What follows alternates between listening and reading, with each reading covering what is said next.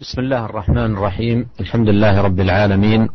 وأشهد أن لا إله إلا الله وحده لا شريك له. وأشهد أن محمدا عبده ورسوله صلى الله وسلم عليه وعلى آله وصحبه أجمعين.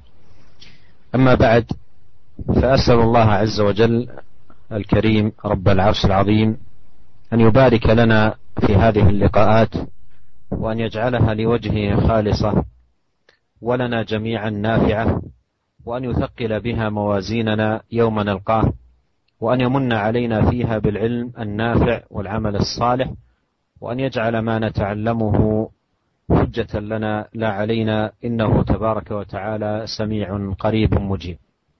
بسم الله الرحمن الرحيم. السلام عليكم ورحمة الله وبركاته. الحمد لله الصلاة والسلام على رسول الله وعلى آله وصحبه ومن والاه.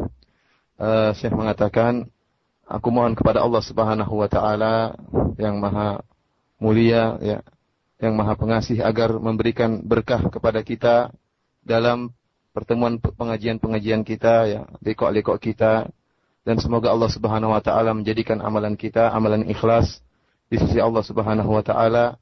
Dan semoga amalan-amalan kita ya akan memperberat timbangan kebaikan kita di hari kiamat kelak dan juga kita minta kepada Allah Subhanahu wa taala agar menjadikan ilmu yang telah kita pelajari ini sebagai hujah yang akan membela kita pada hari kiamat bukan sebagai hujah yang akan menjadi bumerang bagi kita di hari kiamat kelak. وعدتكم أيها الأخوة المستمعون أن يكون الحديث في هذه الحلقة عن الغضب وقد جاء في صحيح البخاري عن أبي هريرة رضي الله عنه أن رجلا قال للنبي صلى الله عليه وسلم أوصني.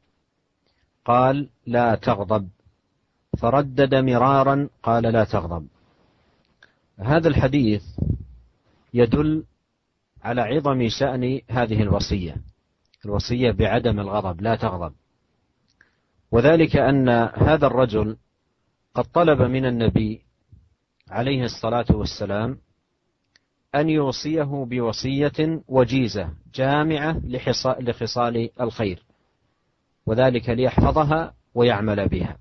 فوصاه النبي عليه الصلاة والسلام ألا يغضب. قال لا تغضب. فردد السائل السؤال مرارا يقول أوصني. والنبي عليه الصلاة والسلام لا يزيد على أن يقول له لا تغضب.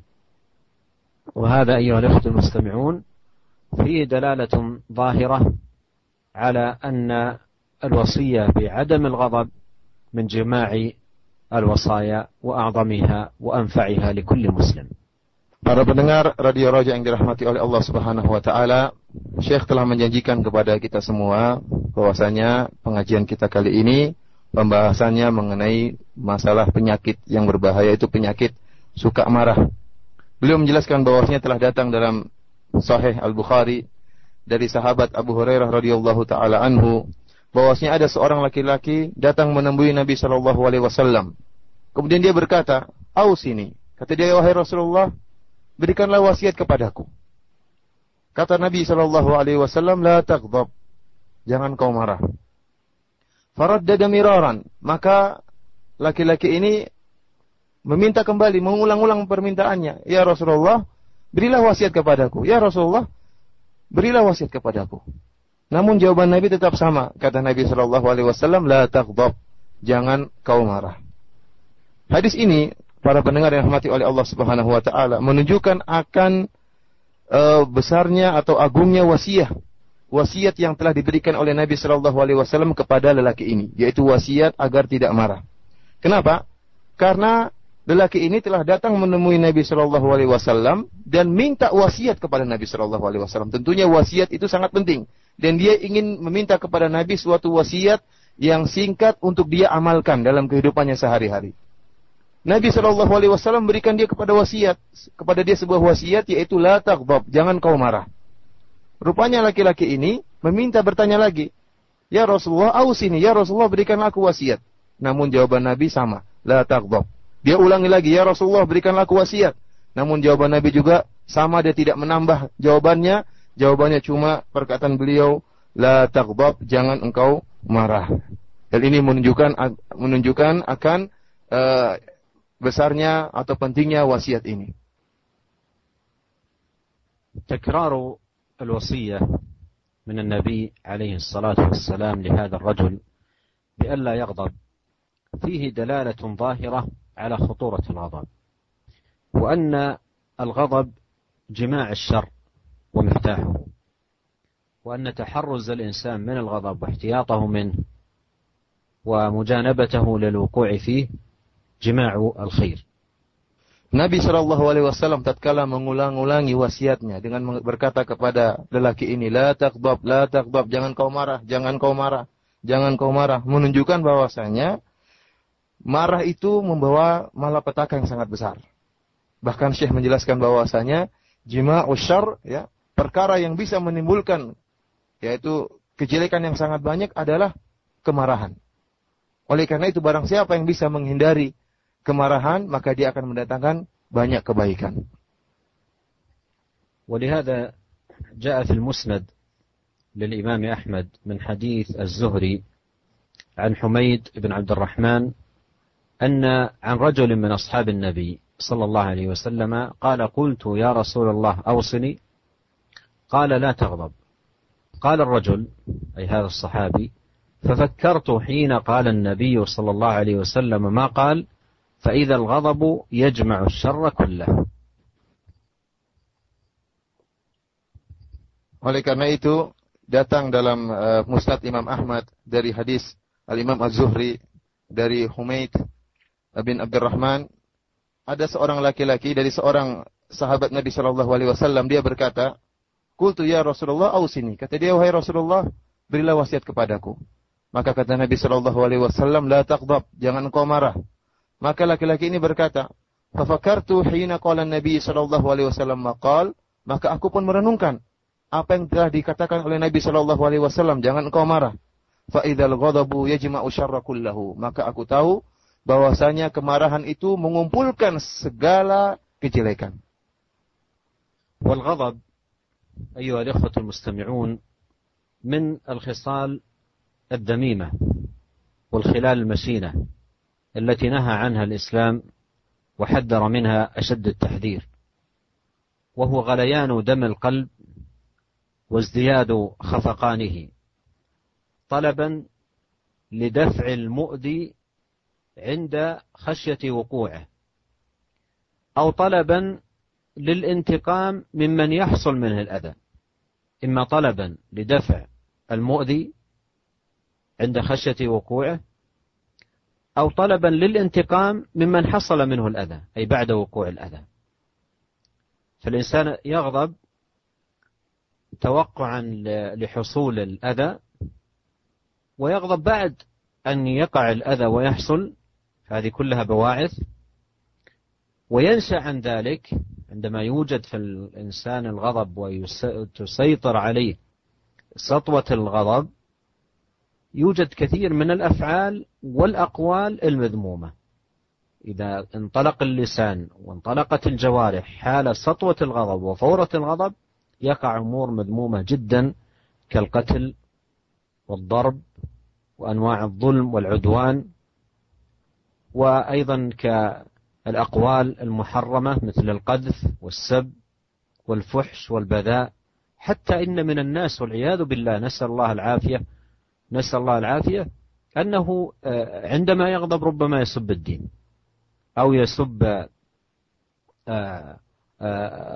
الرب تعالى تعالى الله عن ذلك أو نحو ذلك من الأمور الشنيعة الفظيعة.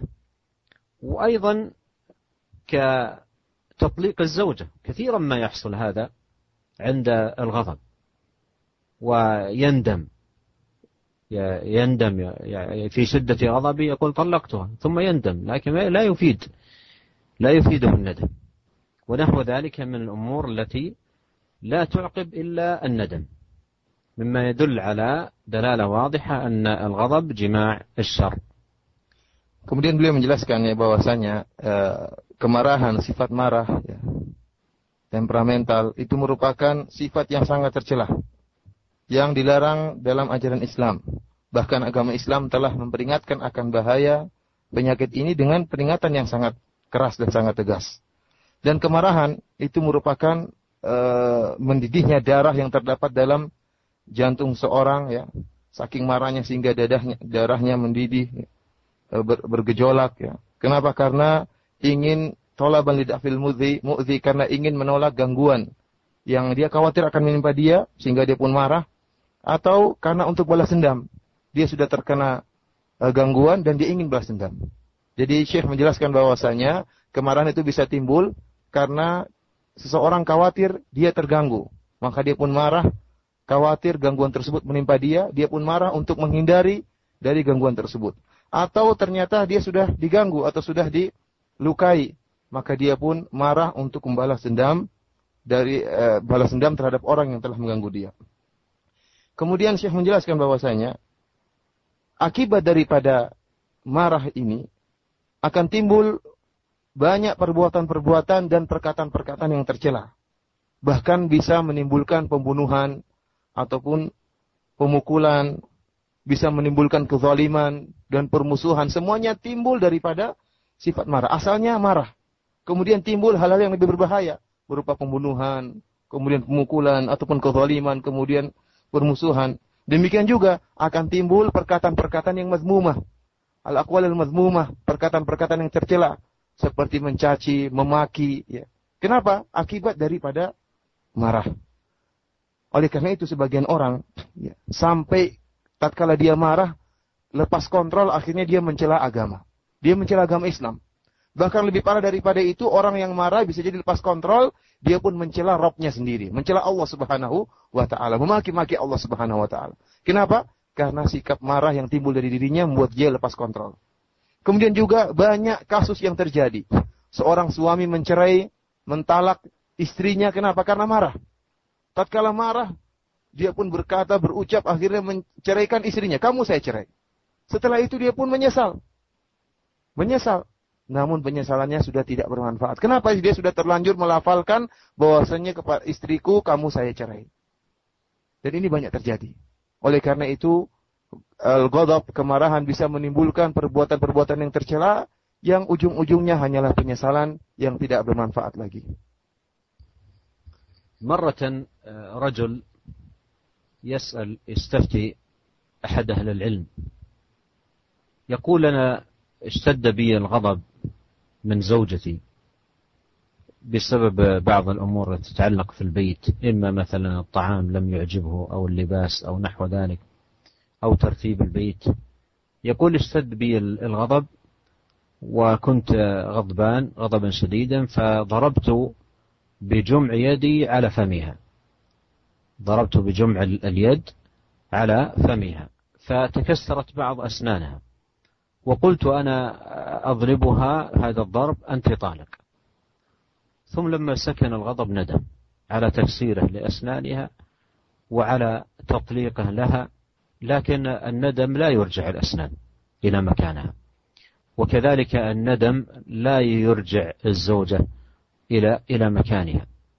هذه هذه أمور آه، إذا باشر الإنسان الغضب أو تعاطى مع الغضب وتمادى معه يصل إلى رعونة شديدة من حيث حركة اليد ورعونة شديدة أيضا من حيث حركة اللسان Uh, pernah ada seorang laki-laki yang minta fatwa kepada salah seorang ahli ilmi, seorang ulama. Ya, dia mengatakan, wahai syekh, bahwasanya saya pernah sangat marah ya terhadap istri saya karena ada perkara-perkara di rumah yang tidak beres. Ya mungkin karena ada makanan yang belum siap, yang atau makanan yang tidak dia sukai atau mungkin pengaturan rumah yang tidak baik. Maka akhirnya pun saya sangat marah dan akhirnya saya pun mengumpulkan kepalan tangan saya dan saya pukulkan ke wajah istri saya. Akhirnya gigi istri saya pun rontok, gigi istri saya pun lepas. Dan saya katakan, kamu saya cerai. Kamu saya ceraikan. Subhanallah setelah itu laki-laki ini pun menyesal. Akhirnya dia pun bertanya kepada ulama. Bagaimana nasib dia? Tentunya penyesalan ini tidak ada manfaatnya. Penyesalan ini tidak ada manfaatnya. Penyesalan dia tidak bisa mengembalikan gigi-gigi istrinya yang telah dia hancurkan. Dan penyesalan dia tidak bisa mengembalikan istrinya yang telah dicerai kepada dia. Istrinya sudah telah terlanjur jatuh talak. Terlanjur jatuh talak. Oleh karena itu para pendengar radio Raja yang rahmati oleh Allah Subhanahu wa taala, kemarahan ya bisa menimbulkan tindakan-tindakan uh, seperti pemukulan yang sangat berbahaya. Demikian juga uh, perkataan-perkataan yang tidak dipikirkan oleh orang yang sedang marah sampai menjatuhkan talak kepada istri tanpa dia renungkan akibatnya. بعض الرجال في البيت خاصة إذا لم يكن متزنا يستغل قوة جسمه وضعف جسم زوجته وضعف بنيتها وعدم قدرتها فعند كل ما مرة ينفعل أو يغضب منها يباشر الإيذاء لها بلسانه والإيذاء لها بيده ويجلدها جلد البهيم. ألا يتقي الله سبحانه وتعالى؟ إذا كان قويا عليها فالله عز وجل قوي عليه. ألا يتقي الله؟ ألا يتقي الله في هذه المرأة التي أكرمه الله سبحانه وتعالى ويسر له وجودها في بيته تعتني ببيته وتربي ولده وتكون أما لأولاده ويتحقق بوجودها الخير.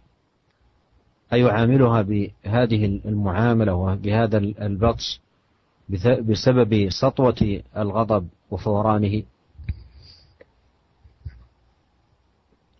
Sebagian orang ya di uh, rumah tangga ya, terutama yang apa namanya tidak bisa menimbang dirinya, tidak bisa cepat sekali marah, kemudian menggunakan uh, kesempatan lemah istrinya untuk dia mendolimi istrinya. Kalau istrinya berbuat salah, langsung dia maki, langsung dia celah dengan perkataannya, menyakiti istrinya dengan perkataan-perkataan yang sangat uh, memedihkan, atau dengan memukulnya, memukulnya atau mencambuknya, Memukulnya seakan-akan dia memukul bahima, seakan-akan mukul hewan. Hendaknya orang seperti ini takut kepada Allah Subhanahu wa taala. Hendaknya dia bertakwa kepada Allah Subhanahu wa taala. Kasihan wanita yang lemah ini. Bukankah Allah Subhanahu wa taala yang telah memudahkan wanita ini untuk tinggal bersama dia? Bukankah istrinya itu merupakan ibu daripada anak-anaknya? Oleh karena itu, hendaknya dia bertakwa kepada Allah Subhanahu wa taala dan tidak menjadikan kesempatan lemah istrinya, kelemahan istrinya untuk dia jadikan bulan-bulanan, dia pukul, dia maki dan semacamnya.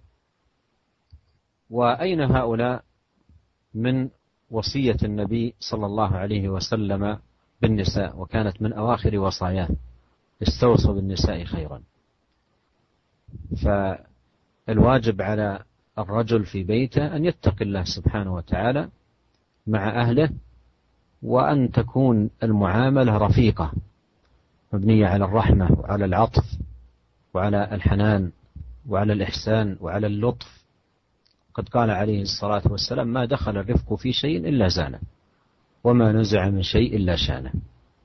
وكيف يطمع أن يجد في بيته حياة جميلة طيبة مبنية على الود والوئام والحب وهو في بيته يتعامل بمثل هذه المعاملة Hendaknya dia takut kepada Allah Subhanahu wa taala. Jika dia kuat terhadap istrinya, ketahuilah bahwasanya Allah Subhanahu wa taala Maha kuat. Kemudian hendaknya dia mengingat wasiat Nabi Shallallahu alaihi wasallam. Di mana dia dari pelaksanaan wasiat Nabi Shallallahu alaihi wasallam? Bukankah di antara wasiat Nabi Shallallahu Alaihi Wasallam bahkan merupakan salah satu dari akhir wasiat Nabi Shallallahu Alaihi Wasallam kata Nabi Shallallahu Alaihi Wasallam istausu bin nisa'i khairan yaitu hendaknya kalian berbuat baik kepada para wanita. Oleh karena itu, bapak-bapak sekalian hendaknya mereka bertakwa kepada Allah Subhanahu wa taala. Takut kepada Allah Subhanahu wa taala dalam bermuamalah dengan istri-istri mereka. Hendaknya mereka menjadikan muamalah mereka, pergaulan mereka dengan istri mereka di rumah mereka dengan pergaulan yang lembut, yang dibangun di atas rasa cinta, rasa kasih sayang. Bukan pergaulan, bukan muamalah yang dibangun di atas kekerasan. Bukankah Nabi Shallallahu Alaihi Wasallam telah bersabda, "Ma dakhala rifqu fi syai'in illa zana, wa ma an syai'in illa syana." Tidaklah kelembutan masuk pada satu perkara kecuali akan menghiasinya. Dan tidaklah kelembutan dicabut dari satu perkara kecuali akan menjelekkannya. Bagaimana seorang suami bisa mendambakan kehidupan yang bahagia, kehidupan yang romantis dengan istrinya, sementara dia di rumahnya bersikap kasar dengan istrinya. Muamalahnya tidak dibangun di atas rasa cinta, tapi di atas kekasaran dan rasa dendam. أيضا مع الأطفال الصغار الرجل مع الأطفال الصغار وأيضا المرأة مع أطفالها وأولادها الصغار بعض الناس عندما يغضبه طفله الصغير أو يفعل شيئا لا يعجبه يبطش به بطشا مؤذيا للغاية. ربما يكسر عظما. ربما يسيل دما. ربما يفقع عينا. ربما يحصل أضرار. يقول أحد الأفاضل كنت مرة ذهبت إلى أحد المستشفيات للعلاج. وكنت في السيرة أنتظر الدور حتى يأتيني. فكان بجنبي بجنبي رجل ومعه طفل عمره خمس سنوات أو أربع سنوات صغير. لكنني لاحظت أن يده اليمنى منملعة منفصلة من من من هذا المفصل من الأساس ومنطلقة. فتألمت للطفل والتفت لوالده قلت لا بأس إيش اللي حصل؟ قال الله المستعان هذا الغضب قلت إيش اللي حصل؟ قال كان نايم وطلبت منه أن يستيقظ ما ما استجاب لي فشددت يده بقوة وحصل لها هذا الأمر. فإذا لم يتعامل الإنسان مع أطفاله الصغار بالهدوء وبالرفق وبالرحمة وبالإحسان ربما يصيبه يصيب أطفاله منه مضار ثم يكبرون أطفاله وهم لا يحبونه ولا يحرصون على بره وعلى وعلى الإحسان لأنه غليظ والغليظ الناس تنفر منه حتى أقرب قريب ولا يرتاحون له Kemudian juga uh, sikap suka marah hendaknya dijauhi tatkala seorang ayah atau seorang ibu bermuamalah dengan anak-anak mereka. Sebagian orang, sebagian bapak atau sebagian ibu, jika anak-anak mereka melakukan perbuatan yang keliru atau perbuatan yang tidak disukai oleh mereka, maka mereka pun langsung memukul anak-anak mereka. Terkadang pemukulannya dengan sangat kuat, dengan sangat keras, sampai bisa-bisa mematahkan tulang ya atau sampai mengeluarkan darah dari sang anak subhanallah padahal itu anak mereka sendiri atau bisa membuat matanya jadi luka ya atau matanya menjadi buta ya, karena pukulan yang sangat keras dari sang ibu atau sang ayah. Ada seorang sahabat dari Syekh ya pernah pergi ke rumah sakit. Kemudian dia pun ngantri. Tiba-tiba tatkala dia ngantri, dia melihat ada seorang anak kecil yang umurnya lima tahun atau empat tahun yang tangannya lemas seakan-akan lepas dari terlepas dari uh, tulang dari bahunya. Tangannya tangannya lepas dari bahunya. Maka dia pun sedih melihat anak itu. Dia pun mendatangi uh, seorang yang bernama bersama anak itu yaitu ayahnya sendiri. Dia pun bertanya kepada kepada ayahnya, "Apa yang telah terjadi? Kenapa anak antum seperti ini? Tangannya sampai lepas." Akhirnya sang ayah mengatakan, "Allah musta'an, ini semua gara-gara marah." Kenapa bisa demikian? Kata dia, "Anak saya tidur. Saya pun ingin bangunkan dia, namun dia tidak mau mau bangun. Akhirnya saya pun tarik tangannya. Saking kerasnya saya tarik tangannya dengan penuh kemarahan, akhirnya tangannya pun lepas. Subhanallah. Ya, itulah ya akibat perbuatan marah. Oleh karena itu, para pendengar radio radio Rojak dirahmati oleh Allah Subhanahu wa taala, jika seorang ayah atau seorang ibu tidak mampu bermuamalah dengan anaknya dengan sikap yang lembut, dengan sikap yang baik, tapi dengan bermuamalah dengan sikap yang kasar, dengan penuh kemarahan, maka anak-anak tersebut, anak-anak mereka juga jika sudah besar, jika sudah dewasa, akan dendam terhadap orang tua mereka akan ingat bagaimana kekasaran orang tua mereka terhadap mereka dan mereka tidak akan melaksanakan birrul walidain. Kenapa? Karena orang tuanya dahulu kasar kepada mereka. Itu mereka terus ingat. Dan orang yang kasar, orang yang keras itu tidak ada yang senang sama dia. Siapa pun kita, kalau duduk sama orang yang kasar, orang yang keras, kita tidak akan tenang. Kita tidak akan murtah. Kita gelisah kalau duduk bersama orang yang kasar. Bagaimana anak kita yang hidup bersama ayahnya, seorang anak yang hidup bersama ayahnya yang kasar. Seorang ibunya yang kasar, bagaimana dia bisa merasa tenang bertahun-tahun bersama ayah dan ibunya seperti itu? بعض العوام والجهال ربما يسمون الاندفاع عند الغضب يسمونه شجاعة أو يسمونه رجولة أو يسمونه عزة نفس وكبر همة ويلقبونه بألقاب محمودة ثم يمضي الواحد منهم في ظلم وعدوان وبغي وإيذاء وإضرار بالناس وهو عند نفسه أنه الشجاع وأنه الرجل وأنه البطل وأنه القوي وهذا كله من نفخ الشيطان ومن النفس الأمارة بالسوء Uh, di, di sisi sebagian orang-orang awam, orang-orang yang jahil, yang tidak ngerti, mereka menamakan sikap yang timbul akibat marah, yaitu dinamakan dengan kejantanan, dinamakan dengan keberanian, ya. Seakan-akan orang yang bisa melampiaskan kemarahannya, itulah disebut dengan pahlawan. Itulah yang disebut dengan jagoan. Mereka memberi nama-nama uh, pelampiasan marah tersebut dengan lakop-lakop yang bagus, lakop-lakop yang baik yaitu seperti jagoan, pemberani, hebat ya. Akhirnya orang tersebut tatkala marah dia pun melampiaskan kemarahannya dengan berbuat kezaliman. Tatkala dia berbuat kezaliman dalam dirinya dia merasa sebagai jagoan, merasa sebagai pahlawan.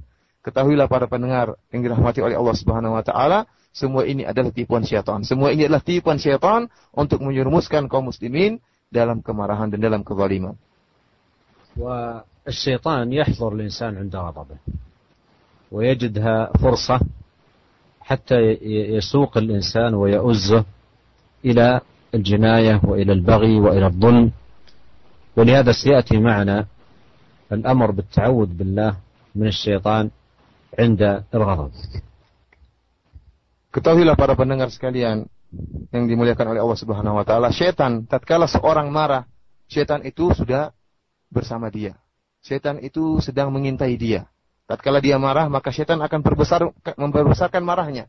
Dan akan menjerumuskan dia ke dalam perbuatan yang lebih parah. Menjerumuskan dia dalam kezaliman, menjerumuskan dia dalam jinai, dalam kriminal. Ya. Kenapa?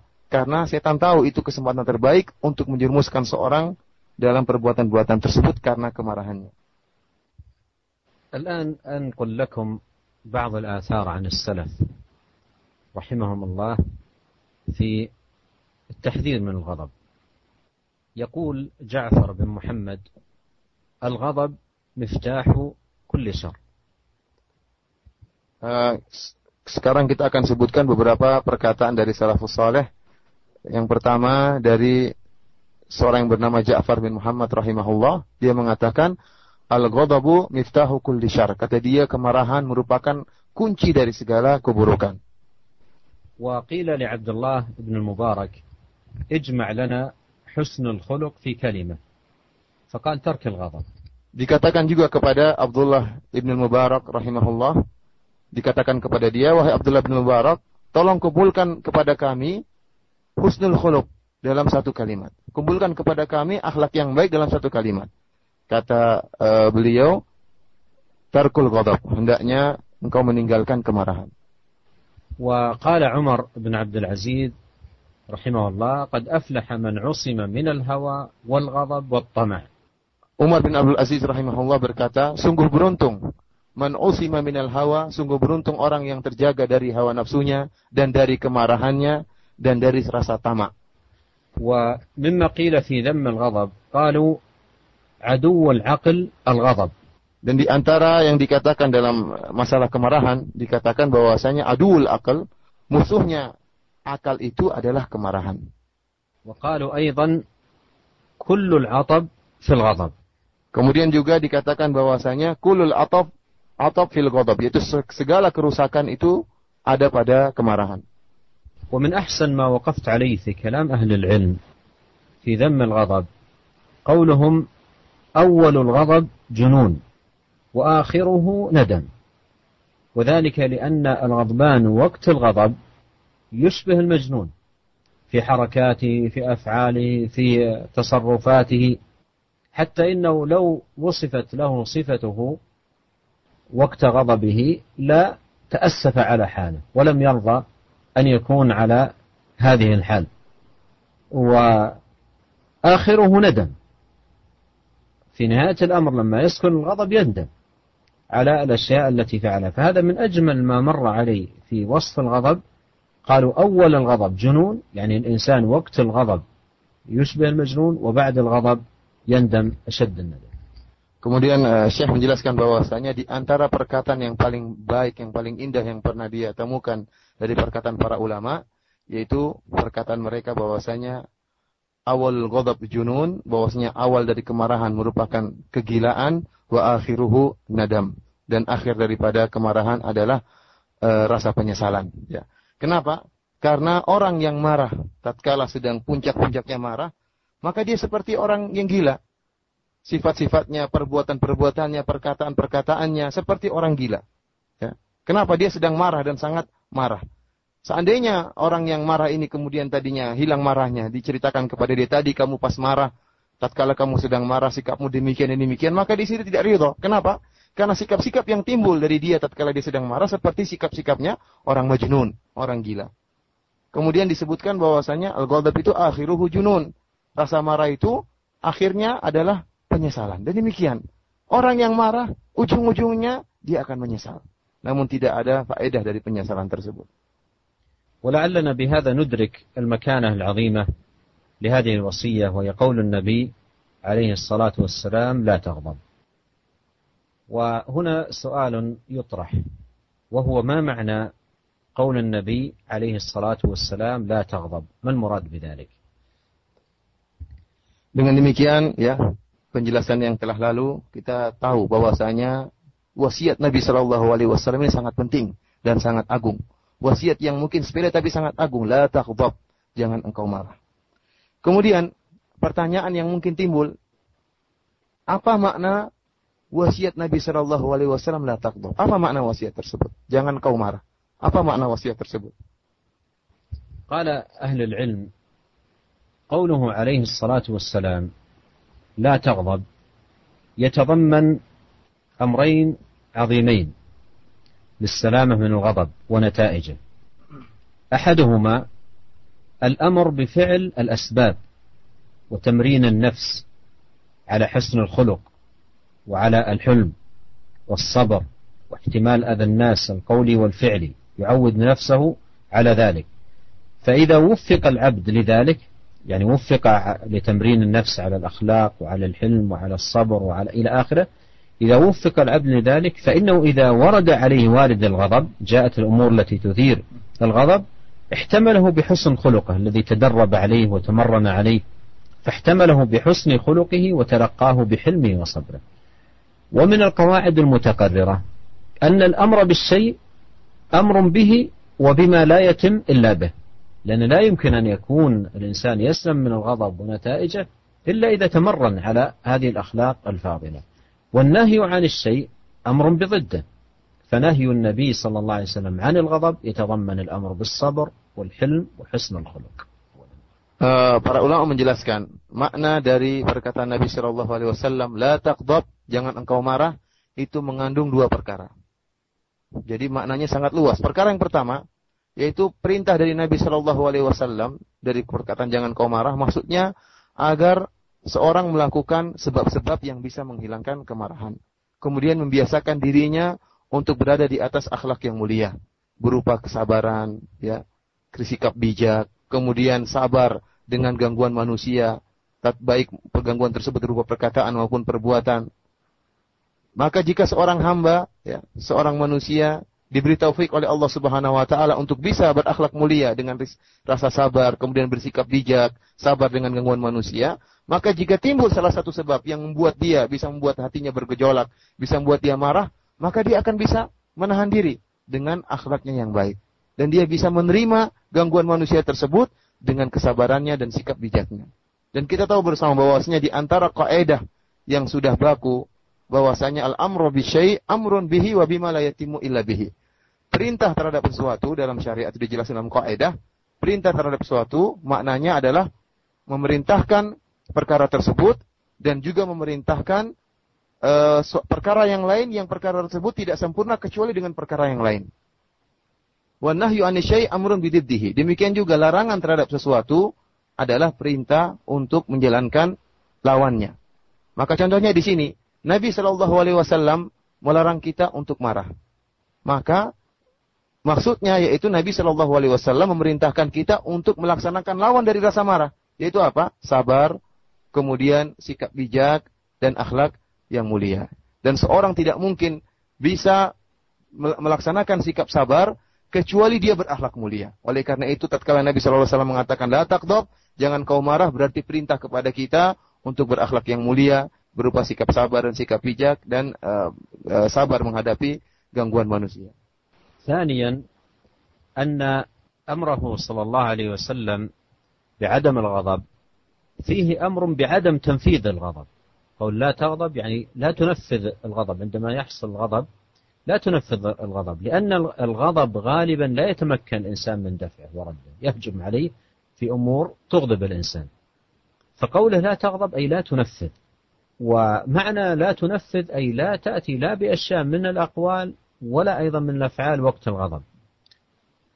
ولكنه يتمكن من عدم تنفيذه فعليه أن يمنع نفسه من الأقوال والأفعال المحرمة التي يجر الغضب إليها. فمتى منع نفسه من آثار الغضب الضارة؟ فكأنه في الحقيقة لم يغضب. لما يوجد في الإنسان الغضب ثم يمنع نفسه أن يأتي بأشياء ضارة بسبب الغضب سواء الأقوال أو الأفعال هو يكون في الحقيقة كأنه لم يغضب. لأن النتائج التي تكون منبنية ومترتبة على الغضب لم توجد فيه. Adapun perkara yang kedua yaitu perkataan Nabi Shallallahu Alaihi Wasallam, la takdob, jangan kau marah. Artinya apa? Jangan kau lampiaskan marahmu. Seorang subhanallah tatkala sedang marah, ya, maka dia ingin melampiaskan marahnya dan dia sebenarnya mampu untuk melampiaskan marahnya. Akan tetapi kalau kita melaksanakan wasiat Nabi Shallallahu Alaihi Wasallam, la takdob, jangan kau marah, maka kita berusaha untuk menahan diri kita. Kita mampu untuk melampiaskan kemarahan kita, tapi kita tahan. Kita tahan diri kita agar tidak melampiaskan kemarahan. Sehingga akhirnya tidak mengeluarkan perkataan-perkataan yang buruk. Atau melakukan tindakan-tindakan yang buruk yang merupakan tanda orang yang sedang marah. Jadi perkataan Nabi Shallallahu Alaihi Wasallam, la takbab, artinya jangan kau lampiaskan marah engkau dengan perkataan-perkataan yang buruk ataupun dengan perbuatan-perbuatan yang buruk. ونستمع في هذا إلى آية وحديث. الآية قول الله تعالى وإذا ما غضبوا هم يغفرون والحديث يقول عليه الصلاة والسلام ليس الشديد بالسرعة يعني الذي يصرع ليس الشديد بالسرعة إنما الشديد من يملك نفسه عند الغضب Kita dengarkan ayat dan kita dengarkan hadis. Allah Subhanahu wa taala berfirman, "Wa idza ma ghadibu hum yaghfirun." Jika mereka marah, mereka segera memaafkan. Kemudian Nabi Shallallahu Alaihi Wasallam dalam satu hadis bersabda, "Laisa syadid bisur'ah." Bukanlah orang yang kuat itu yang bisa mengalahkan lawannya tatkala bergulat. Innama syadidu man yamliku nafsahu indal ghadab. Tapi orang yang kuat itu yang bisa menahan dirinya, bisa menahan dirinya tatkala dia sedang marah. Itulah orang yang kuat. والآن نصل أيها الإخوة إلى العلاج عندما يحصل الغضب ويوجد في الإنسان ماذا ينبغي عليه. هناك أمور ثلاثة أمور مهمة أتمنى يا إخواني أن تحفظوها وأن تحافظوا عليها ينفعكم الله سبحانه وتعالى بها. ثلاثة أمور مهمة ينبغي علينا جميعا أن نبادر إليها وأن نحرص عليها عندما يحصل الغضب.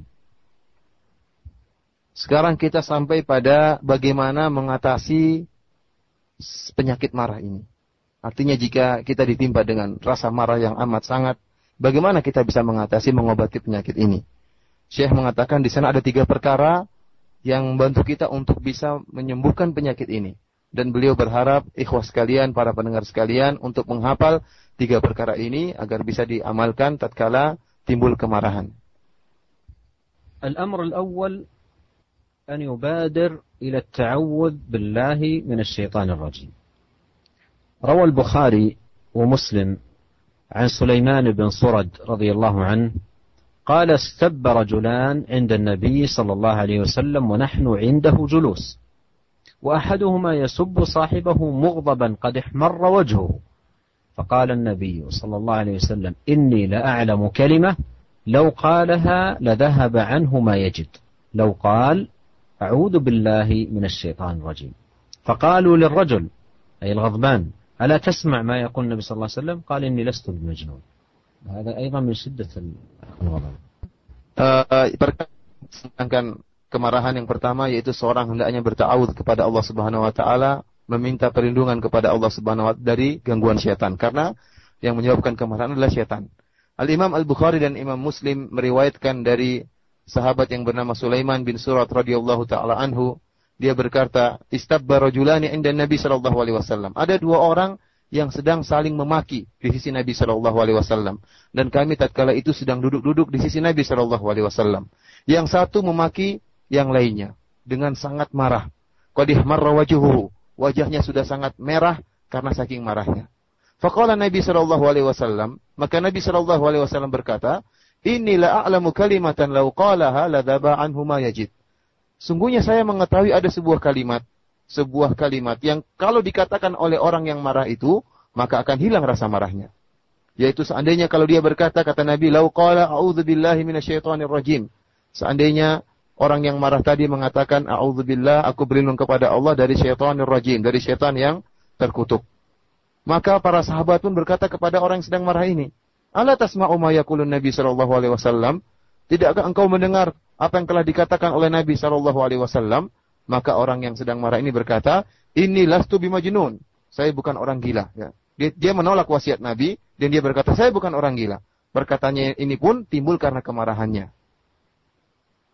وفي الحديث دلالة على أن الغضب من نزغ الشيطان أن الغضب من نزغ الشيطان وأن من حصل له الغضب ينبغي له أن يستعيذ بالله منه كما يدل على ذلك قول الله تعالى وإما ينزغنك من الشيطان نزغ فاستعذ بالله إنه هو السميع العليم Hadis ini menunjukkan bahwasanya kemarahan itu merupakan tiupan syaitan, merupakan gangguan syaitan. Maka seorang yang timbul rasa marahnya, maka hendaknya dia segera bertawud berlindung kepada Allah Subhanahu wa taala dari gangguan setan. Allah Subhanahu wa taala telah berfirman, "Wa imma yanzaghannaka minasyaitani nazghun fasta'iz billahi innahu samii'un alim." Jika ternyata setan mengganggu engkau, ya, maka hendaknya engkau berlindung kepada Allah Subhanahu wa taala, sungguhnya Allah Subhanahu wa taala Maha mendengar lagi Maha mengetahui. ثم إن الشيطان عاذنا الله منه يتمكن من الإنسان حالة الغضب فيدفعه إلى ارتكاب الآثام ويؤزه إلى السب والأذى والإجرام فإذا استعاذ المسلم بالله من الشيطان حفظ منه ووقي من شره Kemudian syaitan kita berlindung kepada Allah Subhanahu wa taala dari gangguannya ya. Tatkala seorang marah maka syaitan sangat mudah untuk mengontrol orang tersebut. Menjatuhkannya kepada perkara yang lebih parah. Sehingga akhirnya orang tersebut yang marah tadi terjerumus dalam perbuatan-perbuatan dosa mungkin dengan uh, memaki atau dengan mengganggu atau dengan berbuat kriminal. Karena setan sangat mudah mengontrol dia tatkala dia sedang marah. Namun tatkala seorang muslim berlindung kepada Allah Subhanahu wa taala tatkala dia sedang marah, maka Allah Subhanahu wa taala akan menjaga dia dari gangguan setan. هذا الأمر الأول. الأمر الثاني أن يمنع الإنسان أي كلمة تخرج منه وقت الغضب يعني وقت فورة الغضب دقيقة أو دقيقتين أو ثلاث هي لا تطول مدة طويلة يعني دقيقتين ثلاث أربع خمس هذا بحد أقصى تقريبا. فوقت الغضب يمنع نفسه من أي كلمة. فقد جاء في المسند للإمام أحمد من حديث عبد الله بن عباس رضي الله عنهما عن النبي صلى الله عليه وسلم أنه, أنه قال إذا غضب أحدكم فليسكت قالها ثلاثا. يعني ثلاث مرات يقول إذا غضب أحدكم فليسكت يعني وقت الغضب امنع الكلام تماما لا تخرج أي كلمة جيدة أو غير جيدة وقت الغضب امنع الكلام حتى تهدأ فإذا هدأت نفسك بعد ذلك قل ما شئت Tadi perkara yang pertama yaitu berlindung kepada Allah dari gangguan syaitan. Adapun perkara kedua yang bisa mengobati atau menghilangkan rasa marah yaitu jangan berbicara. Terutama tatkala sedang puncak-puncaknya marah. Seorang lagi marah, lagi marah besar, mungkin dua menit, tiga menit, atau lima menit, tahan dirinya, jangan ngomong apa pun. Baik menurut dia perkataan itu baik atau perkataan itu buruk, jangan dia ngomong. Sabar sampai lima menit, sampai dirinya itu tenang. Dalam hadis yang diriwayatkan oleh Imam Ahmad, ya bahwasanya dari seorang sahabat, Nabi Shallallahu Alaihi Wasallam berkata, "Ida ahadukum falyaskut." Qala hatalasan. Nabi Shallallahu Alaihi Wasallam bersabda, jika salah seorang dari kalian marah, maka hendaknya diam. Rasulullah mengulanginya sebanyak tiga kali. Jika salah seorang dari kalian marah, maka diam. Jika salah seorang dari kalian marah, maka diamlah. Jika salah seorang dari kalian marah, maka diamlah. Oleh karena tatkala kita sedang marah, diam, nggak usah ngomong. Meskipun kita menganggap perkataan kita itu perkataan baik, jangan ngomong.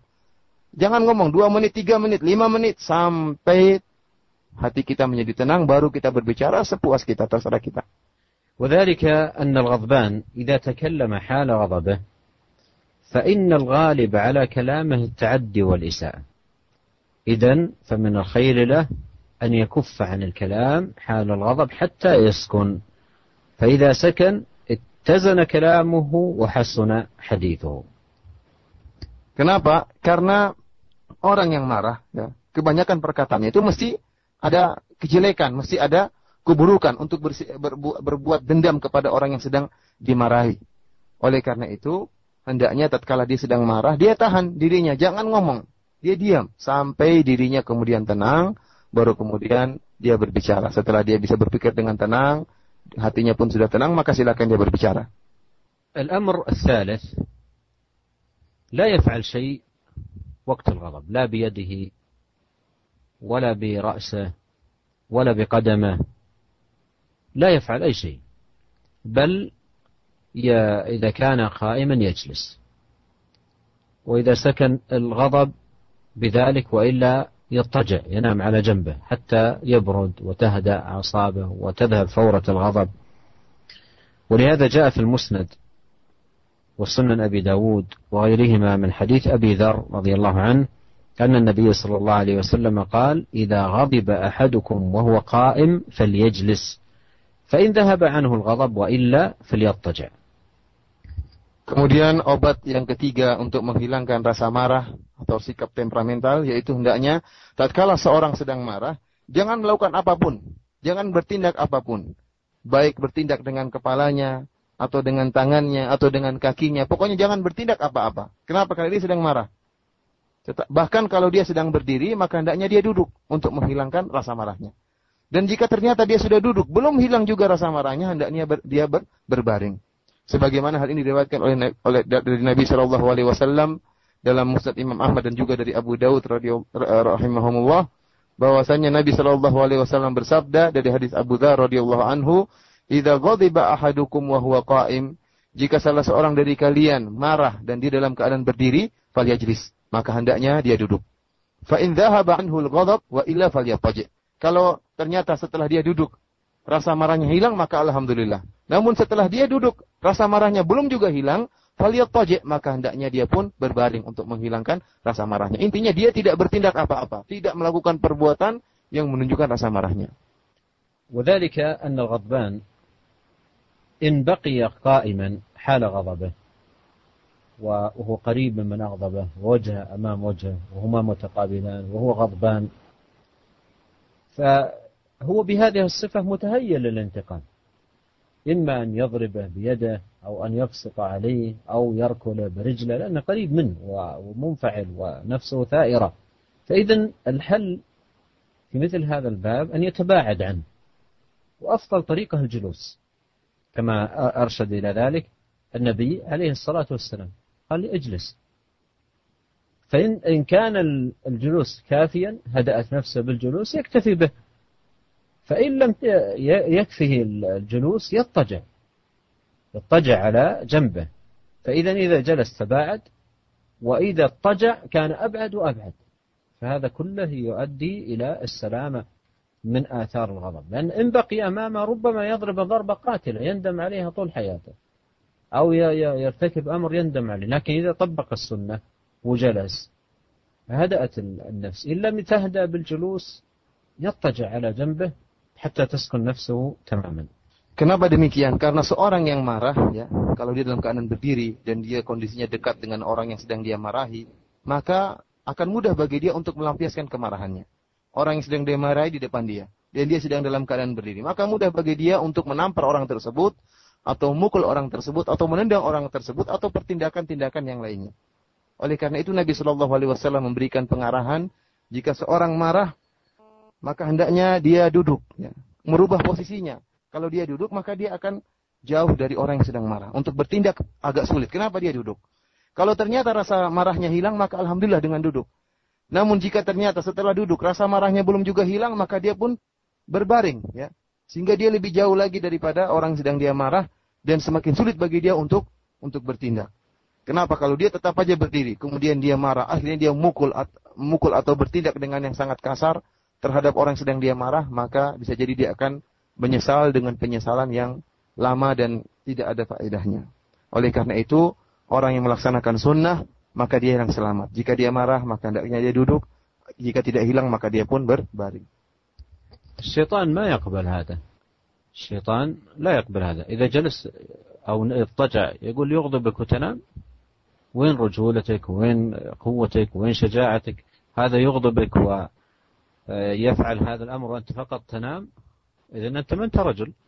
وين الرجولة؟ وين الشجاعة؟ وين القوة؟ فما يرضى فمن نطيع؟ هل نطيع عدو الله الشيطان الذي يدفعنا للشر وإلى الآثام أم نطيع الرسول عليه الصلاة والسلام؟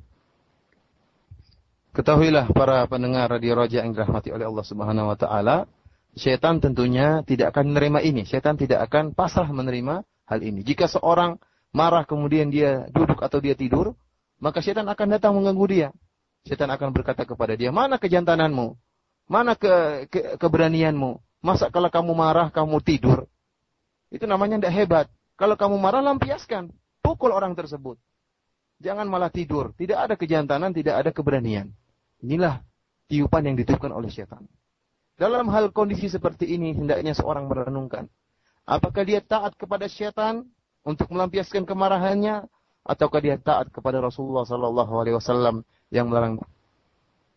غالبا الناس الذين يغضبون ويفعلون شيئا وقت الغضب غالبا يقع منهم ال ال الأذى أو الإضرار بالوجه فغالبا يكون الضرب يقع على الوجه وهذا حرام النبي عليه الصلاة والسلام قال إذا ضرب أحدكم فليجتنب الوجه. حرام الضرب على الوجه مهما كانت الحال. ما يجوز أن يضرب الإنسان على وجهه. والوجه فيه الحواس فيه السمع فيه البصر فيه الشم فيه الذوق. حواس الإنسان في وجهه وهو عضو شريف. فكثيرا ما تكون الاعتداءات إما بضرب براحة اليد أو بجمع اليد أو بالبصق على الوجه أو هذه كلها تصرفات هوجاء ليست لائقة بالمسلم ولا يصلح أن يكون بمثل هذه الصفة بل يجتنب ذلك والغضب هو الذي يبعث لذلك. فإذا جلس أصبح بعيد عن أن يتصرف مثل هذه التصرفات. فإن اكتفى بالجلوس وإلا فليضطجع. Kemudian Syekh mengingatkan bahwasanya biasanya Orang kalau sudah marah, maka yang jadi sasaran musuhnya atau yang dimarahi itu dipukul wajahnya. Wajahnya, wajah yang orang dimarahi itu yang jadi sasaran. Maka dipukul atau dihantam, ditampar ya. Wajah orang yang sedang dia marahi. Padahal ini dilarang dalam syariat. Rasulullah Shallallahu Alaihi Wasallam telah bersabda, "Idza daraba ahadukum bil wajah." Kata Rasulullah SAW, jika salah seorang dari kalian memukul, maka hindarilah wajah. Jangan memukul wajah. Apalagi wajah itu adalah bagian tubuh yang mulia. Di wajah itu ada lima in, ada panca indera, ya, ada indera-indera yang sangat penting. Ada pendengaran, penglihatan, merasakan, semuanya di wajah. Ya. Dan wajah itu merupakan bagian tubuh yang mulia. Jika seorang mukul wajah maka berbahaya. Oleh karena itu, eh, sikap-sikap seperti ini yang timbul akibat kemarahan, baik perkataan yang buruk maupun perbuatan yang buruk, ya, yang seakan-akan perbuatan orang gila itu bukan merupakan tindakan seorang muslim. Oleh karena itu, kita harus sadar bahwasanya semua tindakan-tindakan ini sumbernya adalah kemarahan. Kemarahan yang menimbulkan tindakan-tindakan seperti ini. Jika seorang marah, hendaknya dia melaksanakan wasiat Nabi Shallallahu Alaihi Wasallam dengan duduk. Jika duduk bisa menghilangkan rasa marahnya, maka alhamdulillah. Kalau tidak, tojek, maka dia pun berbaring. أيها الإخوة المستمعون هذه الوصايا العظيمة والتوجيهات المباركة التي سمعناها والعلاجات النافعة التي ذكرها النبي صلى الله عليه وسلم في علاج الغضب هذه تدل على جمال الدين الإسلامي وعظيم مكانته وأنه دين مبارك يحل المشكلات ويعالج الانحرافات ويكون سببا لحصول الخير في المجتمعات فهو دين مبارك لا يأتي إلا بالخير. ولا نأتي هنا ننظر لأن بعض الناس قد يطيب له في هذا المقام أن ينظر لتصرفات بعض المسلمين. فليست هي المقياس المقياس الدين نفسه بتوجيهاته المباركة ونصائحه القيمة. فأين يجد الإنسان مثل هذه العلاجات ومثل هذه التوجيهات المباركة في دين غير هذا الدين العظيم المبارك؟ دين الله جل وعلا الذي رضيه لعباده Para pendengar Radio Raja yang dimuliakan oleh Allah Subhanahu wa taala, tadi kita telah mendengar bagaimana irsyadat, adab-adab dan petunjuk pengarahan-pengarahan dari Nabi Shallallahu alaihi wasallam dan bagaimana pengobatan atau mengatasi uh, penyakit marah ini ya. Yang ini semuanya menunjukkan akan bagaimana indahnya agama Islam ini.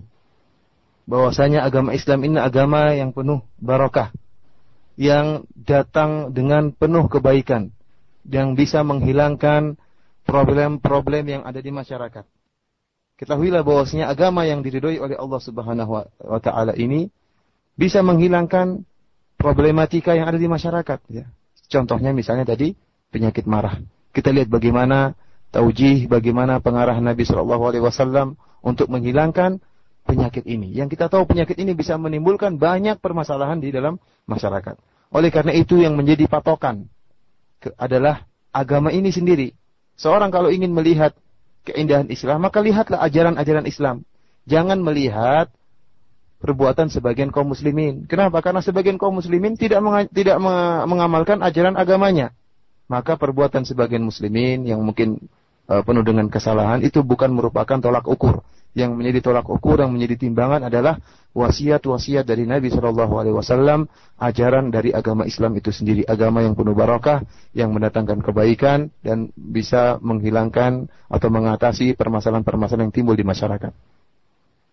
فعلينا أيها الإخوة أن نحمد الله عز وجل أن جعلنا مسلمين وأن هدانا لهذا الدين العظيم وعلينا أيضا أن نحرص على الالتزام بآداب الإسلام الفاضلة وأخلاقه الكاملة وتوجيهاته العظيمة التي هي سبب لسعادتنا وفلاحنا في الدنيا والآخرة في بيوتنا ومع أهلنا وأولادنا وفي مجتمعاتنا مما يحقق لنا السعادة والخير في الدنيا والآخرة. Oleh karena itu para pendengar yang dirahmati Allah Subhanahu wa taala wajib bagi kita untuk memuji Allah Subhanahu wa taala dan bersyukur kepada Allah Subhanahu wa taala yang telah menjadikan kita sebagai orang-orang Islam, yang telah memberikan hidayah kepada kita sehingga kita memeluk agama yang sangat mulia ini. Dan wajib bagi kita untuk semangat untuk bisa melaksanakan adab-adab Islam dan melaksanakan wasiat-wasiat Nabi Shallallahu alaihi wasallam, melaksanakan pengarahan-pengarahan Nabi Shallallahu alaihi wasallam. Karena pelaksanaan sunnah-sunnah Nabi, pelaksanaan wasiat-wasiat Nabi merupakan sebab sebab untuk mendatangkan kebahagiaan bagi kita baik di dunia maupun di akhirat. Kebahagiaan saadah di rumah-rumah kita, kebahagiaan dalam masyarakat kita, kebahagiaan bersama keluarga kita, bersama istri kita dan bersama anak-anak kita. Oleh karena itu marilah kita berusaha untuk melaksanakan adab-adab Islam tersebut.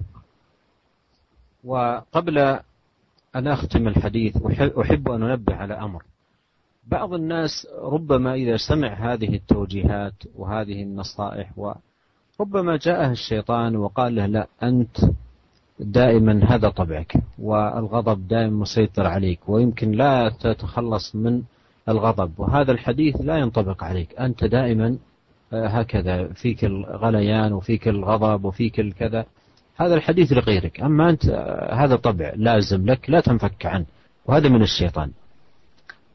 ونبينا عليه الصلاة والسلام قال إنما العلم بالتعلم وإنما الحلم بالتحلم ومن يتحرى الخير يعطى ومن يتوقى الشر يوقى. فجاهد نفسك واستعن بربك سبحانه وتعالى واصبر وصابر وتحمد بإذن الله تبارك وتعالى العاقبة.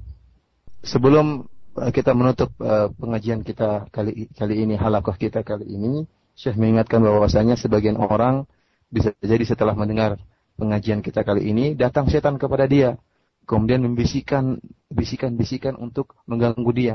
Setan mungkin mengatakan, semua yang disampaikan oleh Syekh itu benar, akan tetapi ini tidak cocok bagi kamu kamu itu memang sifatnya itu suka pemarah. tidak bisa dirubah. Adapun pengajian kita kali ini untuk orang-orang yang sifatnya bisa dirubah. Adapun kamu memang tabiat tabiat kamu seperti itu tidak bisa dirubah, maka hadis ini tidak cocok buat kamu. Ingatlah kata Syekh, ingatlah hadis Nabi Shallallahu Alaihi Wasallam. Nabi Shallallahu Alaihi Wasallam pernah bersabda, Innamal ilmu bitta'allum. Sungguhnya ilmu itu diperoleh dengan mencari ilmu. Wa innamal ilmu bittahallum. Dan sungguhnya sikap bijak, sabar itu diperoleh dengan berusaha untuk memperoleh sikap tadi. Wa man yataharral khair, yuk barang siapa yang ingin mendapatkan kebaikan maka Allah akan berikan kepada dia. Wa man yatawakka syarr yuqah dan barang siapa yang berusaha untuk menghindarkan diri daripada keburukan, maka dia akan terhindar. Maka barang siapa yang berusaha terhindarkan daripada rasa marah untuk bisa menyembuhkan penyakitnya, maka Allah akan berikan. Meskipun memang tabiatnya suka marah, tapi kalau dia berusaha untuk menghilangkan tabiatnya tersebut, menghilangkan rasa marahnya, maka Allah akan beri taufik kepada dia. وأختم بقول النبي عليه الصلاة والسلام أقربكم مني منزلة يوم القيامة أحاسنكم أخلاقا. أسأل الله عز وجل أن يوفقنا جميعا لحسن الخلق. اللهم اهدنا لأحسن الأخلاق. لا يهدي لأحسنها إلا أنت. اصرف عنا سيئها. لا يصرف عنا سيئها إلا أنت. والله تعالى أعلم. وصلى الله وسلم على رسول الله. Dan sebagai penutup, beliau mengingatkan akan sebuah hadis yang sangat agung. Di mana Nabi Shallallahu Alaihi Wasallam pernah bersabda, "Akrabukum minni majlisan yaumal qiyamah, ahasinukum akhlaqa." Kata Nabi Shallallahu Alaihi Wasallam, yang paling dekat dia duduk bersamaku pada hari kiamat. Yang paling dekat denganku pada hari kiamat kelak. Tempat duduknya yaitu orang yang paling baik akhlaknya. Ya orang yang paling baik akhlaknya. Kita berdoa kepada Allah Subhanahu wa taala agar memberikan kepada kita akhlak yang mulia dan menjauhkan kita dari akhlak yang buruk Sungguhnya tidak ada yang memberikan petunjuk kepada kita untuk berakhlak mulia kecuali Allah Subhanahu wa taala dan tidak ada zat yang bisa menjauhkan kita dari akhlak yang buruk kecuali Allah Subhanahu wa taala. Allahumma hdina li ahsanil akhlaqi la yahdi li ahsaniha illa ant wasrif anna sayyi'aha la yasrif anna sayyi'aha illa ant. Wallahu taala alam. Nah, demikian Hotel Islam, sesi materi yang begitu bermanfaat untuk kita semua dari pembahasan dan syarah hadis la taghdab yang disampaikan oleh Fadilatul Syekh Profesor Dr. Abdul Razak bin Abdul Musin Al-Badar Hafizahumallahu Ta'ala. Dan seperti biasa kita akan membuka sesi tanya jawab. Untuk Anda yang akan bertanya kami akan berikan kesempatan untuk tiga penanya dari telepon di 8236543 dan kami akan angkat juga dari pesan singkat di 0217073653 Taib. Selanjutnya kami angkat uh, untuk pertama uh, dari Umu Sofia di uh, Bantar Gebang Bekasi atau di Rawalumbu di Bekasi. Silakan Ibu.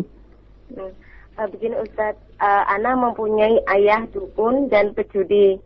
Uh, ayah pergi selama 30 tahun dan selama itu tidak pernah menafkain kami.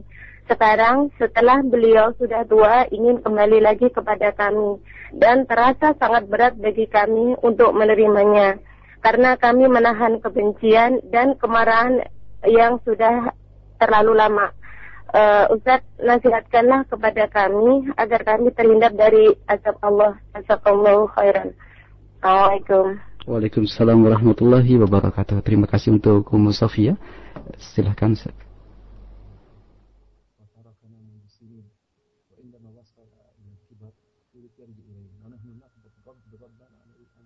هذه السائلة تذكر أن والدها كان يعمل أعمال محرمة كالكهانة والشعوذة وأمور سيئة جدا.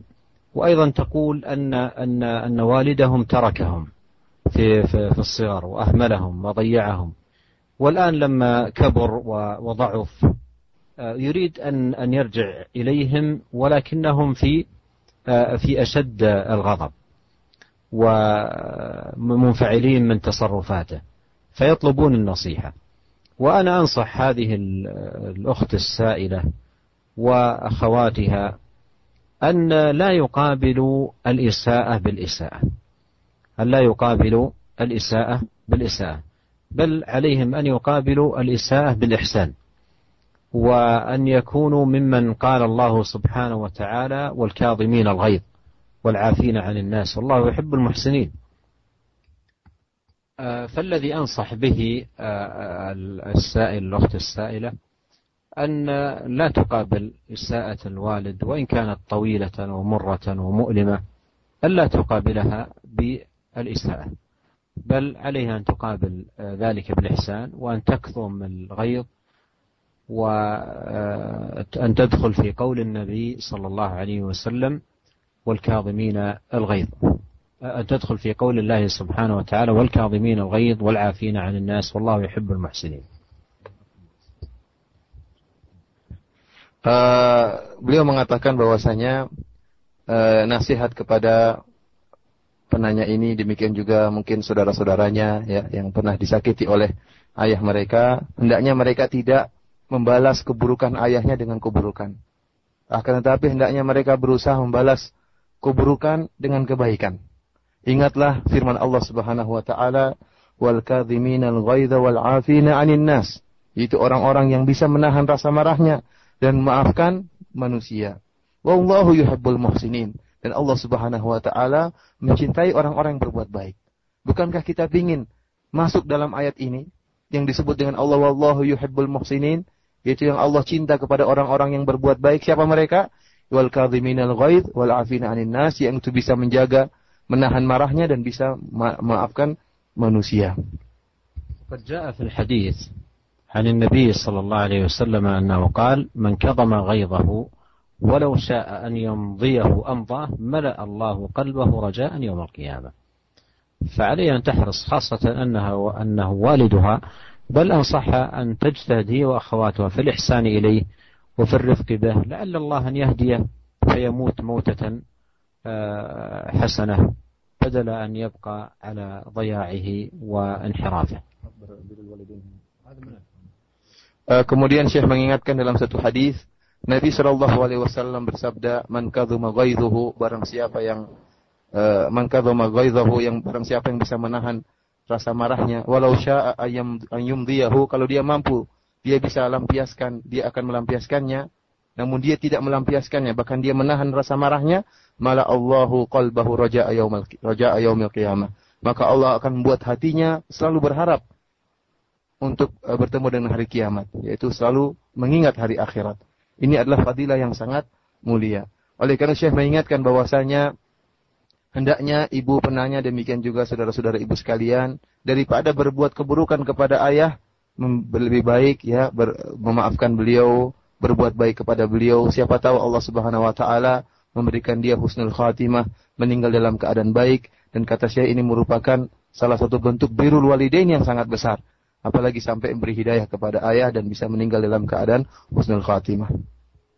Nah, demikian untuk Ummu Sofia. Semoga bermanfaat. Kami persilakan kembali untuk Anda yang akan bertanya. Assalamualaikum. Halo, Assalamualaikum. Waalaikumsalam warahmatullahi Silakan Pak, dari mana? Dengan Usman di Cikarang. Silakan Pak Usman. Assalamualaikum saya. Begini saya, saya suka marah nih masalah kalau ada anak saya nakal atau dia bercanda memecahkan piring, saya suka marah.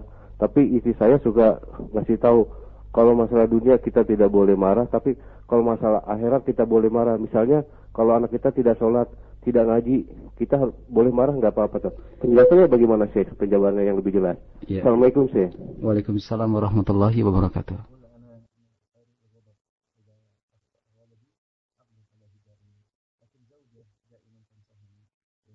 هذا الأخ السائل يذكر عن نفسه أنه يغضب وأن زوجته تقول له لا تغضب في الأمور الدنيوية يعني إذا خطأ أخطأ الابن في أمر دنيوي مثل أن يكسر كأس أو يخرب شيئا في البيت وعليك أن تغضب في الأمور الدينية. وكلام الزوجة صحيح من جهة أن الغضب آه، ينبغي أن يكون من الأمور التي تتعلق بالدين. النبي صلى الله عليه وسلم آه، كان إذا انتهكت حرمات الله لا, لا يقوم لغضبه شيء. فكان يغضب عليه الصلاة والسلام. لكن ليس معنى ذلك آه، أن أنني إذا غضبت من ابني لتركه للصلاة أنا أبطش به. ففي الحديث قال مروا أبناءكم بالصلاة لسبع واضربوهم عليها لعشر. يعني بعض الناس ربما يضرب ابنه للصلاة لسبع أو لثمان سنوات وهذا لا يجوز بل هو ليس مكلفا بها. لكن عوده عليها. ثم إذا بلغ العشر سنوات تضربه ضربا خفيفا. تضربه ضربا خفيفا بدون يعني شدة وبدون عنف وبدون لطم على الوجه وبدون يعني تصرفات أخرى ما تليق. يعني بعض الناس ربما يعني عندما صغيره لا يصلي يشتمه ويدعو عليه وهذا كله لا يجوز. لا يجوز. بل جاء في الحديث لا تدعوا على أبنائكم يعني قد يوافق ساعة إجابة Uh, beliau menjelaskan bahwasanya perkataan istrinya tadi, nasihat istrinya itu mungkin benar dari satu sisi. Artinya yang benar bahwasanya hendaknya marah itu sehendaknya dilampiaskan tatkala ada pelanggaran dalam masalah agama. Sebagaimana Nabi Shallallahu Alaihi Wasallam, Nabi Shallallahu Alaihi Wasallam marah kalau ada perkara-perkara agama yang dilanggar. Ya. Namun bukan berarti kalau misalnya anak kita ya uh, tidak sholat, kita marah memang, tapi bukan berarti marahnya dengan mukul dia, mukul dia sampai dengan pukulan yang keras ya, atau yang uh, sampai uh, melampaui batas. Benar Nabi Shallallahu Alaihi Wasallam bersabda, muru auladakum bisolati wahum sab'a sinin. Kata Rasulullah SAW, perintahkanlah anak-anakmu untuk sholat tatkala mereka berumur tujuh tahun wadribuhum wa hum asyara sinin dan pukullah mereka kalau mereka sudah mencapai umur 10 tahun.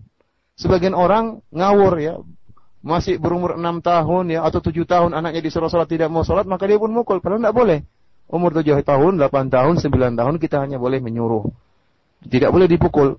Namun kalau sudah umur 10 tahun kita perintahkan anak-anak kita tidak mau salat, maka kita boleh mukul, kita boleh marah. Tetapi marahnya bukan dengan mukul dengan melampaui batas, mukul yang sangat keras atau menampar wajahnya atau memakinya ya.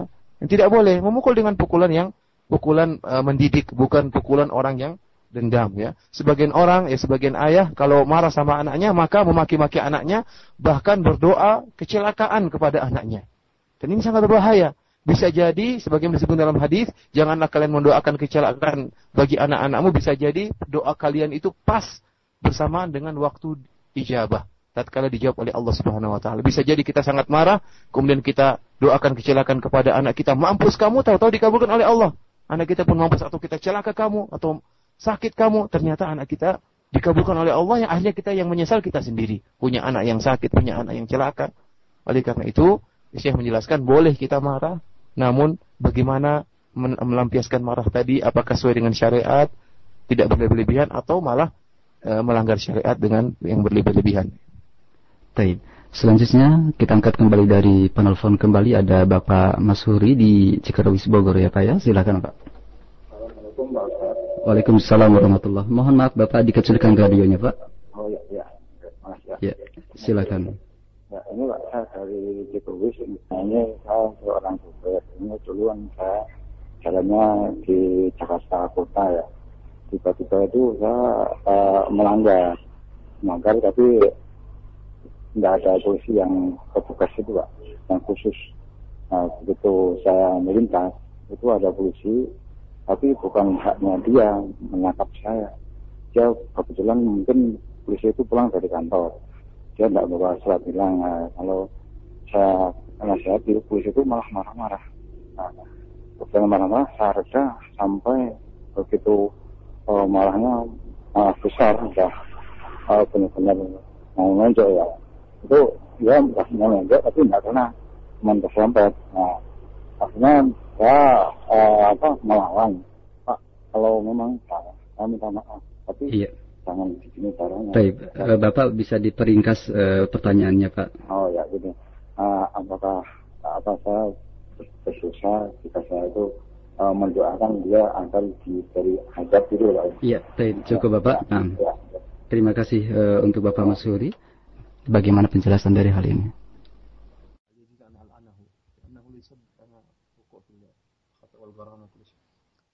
النبي صلى الله عليه وسلم قال ليس المؤمن باللعان ولا الطعان ولا الفاحش ولا البذيء فاللعن ما يجوز اللعن هذا ما يصلح أن الإنسان كل من أغضبه أو كل ما وقع في شيء يبادر إلى اللعن Syekh mengingatkan sabda Nabi Shallallahu Alaihi Wasallam, "Laisal mu'min billa'an walat ta'an." Bukanlah seorang mukmin yaitu orang yang suka melaknat dan juga suka apa namanya mentaan ya oleh karena itu bukan merupakan uh, dinasihatkan kepada bapak ini agar tidak melaknat siapapun orang yang buat kita marah jangan kita melaknat karena itu bukan merupakan sifat orang mukmin. سوف نخصص إن شاء الله فيما بعد حلقة حول موضوع اللعن لأن هذا من المسائل التي يحتاج الناس إلى بيان الشرع فيها وذكر الأدلة والأحكام المتعلقة بها وفيها تفصيلات مهمة نخصص لها بإذن الله حلقة فيما بعد بإذن الله عز وجل Uh, Syekh mengingatkan insya Allah pada lekok-lekok yang akan selanjutnya pengajian-pengajian pertemuan-pertemuan kita berikutnya insya Allah beliau akan membahas khusus tentang masalah laknat karena ini termasuk penyakit yang banyak tersebar di masyarakat butuh ada perincian tafsilannya insya Allah pada pertemuan-pertemuan berikutnya insya Allah. Baik. Selanjutnya kita angkat dari pertanyaan di pesan singkat yang sudah begitu banyak masuk. Yang pertama kita angkat dari pertanyaan Ibu Siti di Bekasi. E, Syekh, bagaimana hukumnya jika suami mengucapkan kata talak kepada istrinya dalam keadaan marah? Mohon penjelasannya. إذا الإنسان حال غضبه وطلق زوجته ولم يكن الغضب أغلق عقله. لم يكن الغضب أغلق عقله. أصبح يتكلم وهو فاقد للوعي. فإن الطلاق يقع. فإن الطلاق يقع. و وأما طريقة الرجعة فإذا كانت الطلقة الأولى فهي رجعية تعتبر. وله أن يراجعها ويشهد على إرجاعها يعني إذا طلقها يشهد على الطلاق وإذا راجعها يشهد على الرجعة وتحسب عليه أنها طلقت طلقة واحدة uh, beliau menjelaskan bahwasanya uh, jika seorang suami dalam keadaan marah yang amat sangat sehingga akhirnya otaknya tertutup di mana dia berucap dia tidak sadar dengan ucapannya tidak tahu apa yang sedang dia ucapkan maka marah seperti ini, kondisi yang seperti ini, jika dia mentalak istrinya, maka tidak jatuh talak. Akan tetapi, kalau marahnya tidak sampai tingkat seperti tadi, artinya dia masih sadar dengan yang dia ucapkan, dia masih paham dengan apa yang dia ucapkan, maka talaknya tadi jatuh. Talaknya itu tadi jatuh. Oleh karena itu, jika dia mentalak istrinya dalam keadaan marah, namun marahnya tidak amat sangat, artinya dia masih bisa memahami apa yang dia ucapkan, maka istrinya telah jatuh talak satu dan kalau untuk kembali kepada istrinya ya maka dia mempersaksikan bahwasanya dia kembali kepada istrinya ya sebelum uh, dan namun tetap sudah jatuh talak satu ya. tetap sudah jatuh talak satu. Baik. Selanjutnya kita angkat dari Bapak Eko di Ragunan Jakarta Selatan.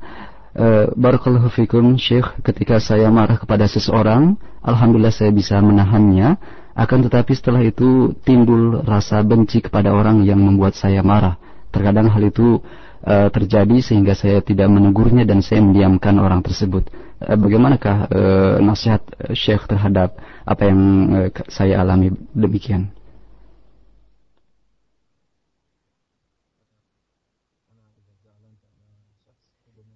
علاجه في الآية الكريمة الله قال والكاظمين الغيظ والعافين عن الناس فأنت تجمع بين الأمرين كظم الغيظ هذا جيد أيضا زد على ذلك العفو. وتذكر أن أنك أكرمك الله سبحانه وتعالى بأن كظمت الغيظ فأيضا اجتهد في أن تفوز بالعفو عن الناس فتفوز أيضا عند الله سبحانه وتعالى بثواب العافين عن الناس. Uh, Syekh mengingatkan ya Bapak ya, ingatlah firman Allah Subhanahu wa taala wal kadhimina al ghaidh wal afina 'anil nas yaitu orang-orang yang menahan rasa marahnya wal afianin nas. Yang kedua juga jangan dilupakan yaitu orang-orang yang mema memaafkan orang-orang yang bersalah sama dia. Kalau kita ingin mendapatkan rahmat Allah Subhanahu wa taala, ingin mendapatkan pahala yang besar dari Allah Subhanahu wa taala, kita lakukan dua lakukan dua perkara tadi. Sebagaimana Bapak mampu untuk bisa menahan rasa marah Bapak tidak dilampiaskan, maka berusaha juga untuk memaafkan. Ingat janji Allah Subhanahu wa taala, ingat pahala Allah Subhanahu wa taala wal afina 'anil nas, yaitu orang-orang yang memaafkan kesalahan-kesalahan orang lain. Tapi untuk selanjutnya kita angkat pertanyaan dari penelpon ada Bapak Firman Syah di Serpong Tangerang. Ya, Assalamualaikum Bapak. Waalaikumsalam warahmatullahi Ya, silakan Pak. Uh, saya ingin bertanya kepada Syah, bagaimana tentang uh, ketika agama eh tentang marah ketika ketika agama dinodai. Terus marah ketika agama dilecehkan, marah ketika melihat manusia bermaksiat kepada Allah, sehingga ia melampiaskan kemarahannya dengan amar ma'ruf nahi mungkar. Itu aja. Eh, syukuran. Assalamualaikum warahmatullahi wabarakatuh. Waalaikumsalam warahmatullahi wabarakatuh.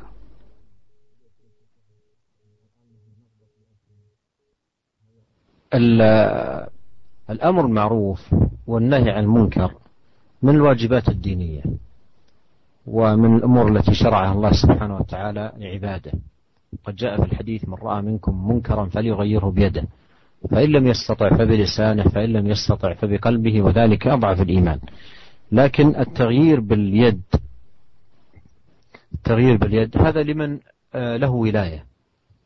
أما الذي ليس له ولاية لا يغير بيده لأن إذا غير بيده يحصل من الشر والفساد أكبر من من المنكر الذي غيره بيده. فالتغيير باليد يكون ممن له ولاية، مثلا الإنسان في بيته له ولاية على أولاده، فإذا وجد منكر في البيت إن شاء يخرجه من البيت، إن شاء يمنع وجوده، له ولاية في بيته على أولاده. لكن إذا جاء إلى متجر من المتاجر وفيها منكر ليس له ولاية. فإذا غير بيده يحصل فساد. ربما تراق دماء ربما يحصل آه، أضرار فادحة.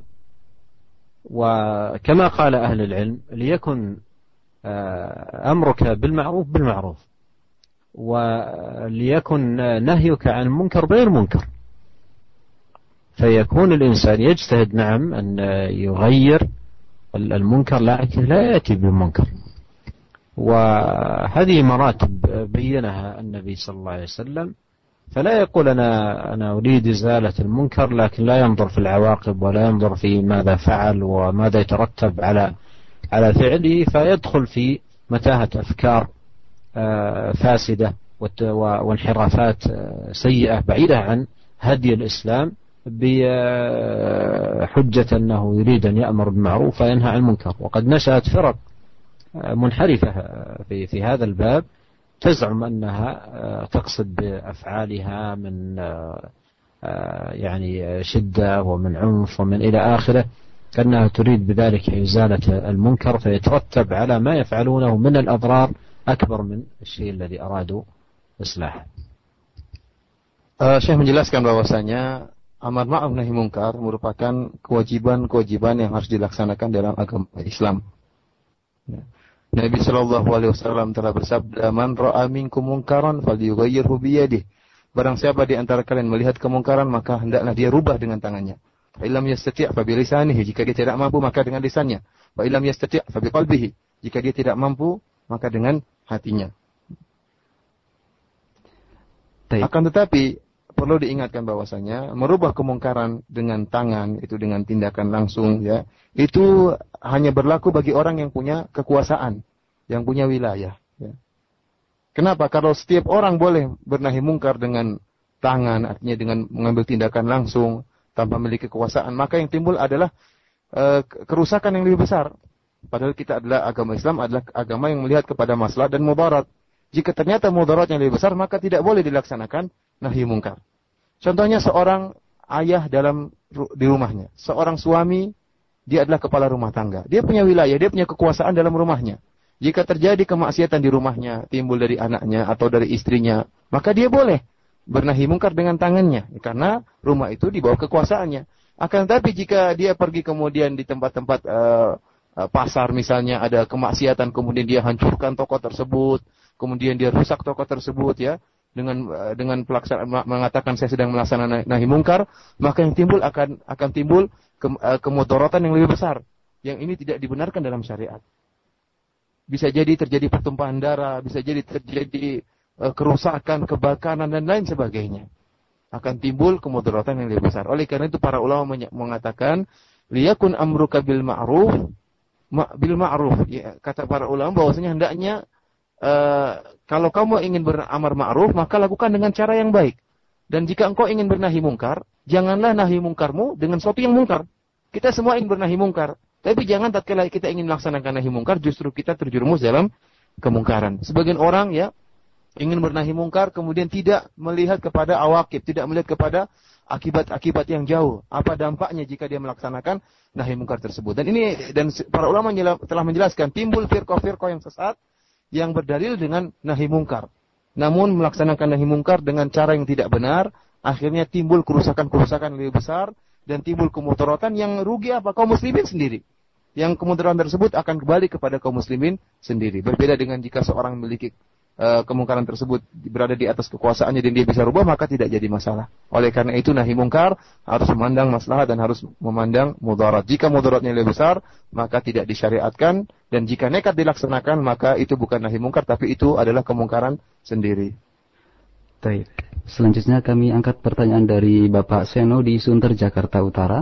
Untuk berikutnya, Assalamualaikum Bapak.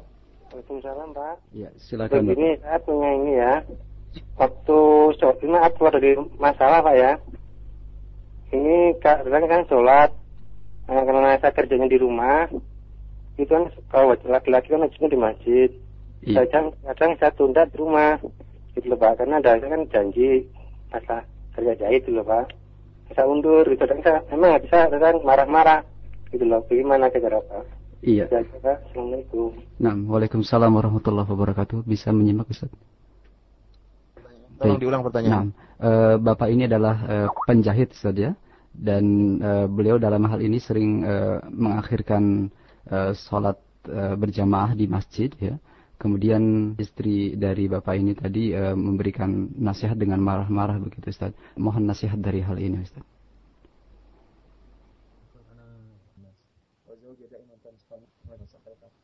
أنا أهنئك بهذه الزوجة أهنئك بهذه الزوجة التي تتابعك في الصلاة. وهذا من الخير لك أن الله عز وجل جعل عندك مثل هذه الزوجة التي تتابعك في أمر الصلاة. وأنصحك أن تتق الله عز وجل في صلاتك وإذا نودي للصلاة تبادر. والوقت الذي أنت تصلي اجعله في أول الوقت مع الجماعة. يعني أنت ولله الحمد تصلي. لكنك تؤخر الصلاة. فإذا اجعل صلاتك مع الجماعة فتفوز برضا الله سبحانه وتعالى وبالمحافظة على الصلوات في أوقاتها مع جماعة المسلمين حيث ينادى لها. وتأخيرك آه، هذا فيه مضرة ولا شك عليك.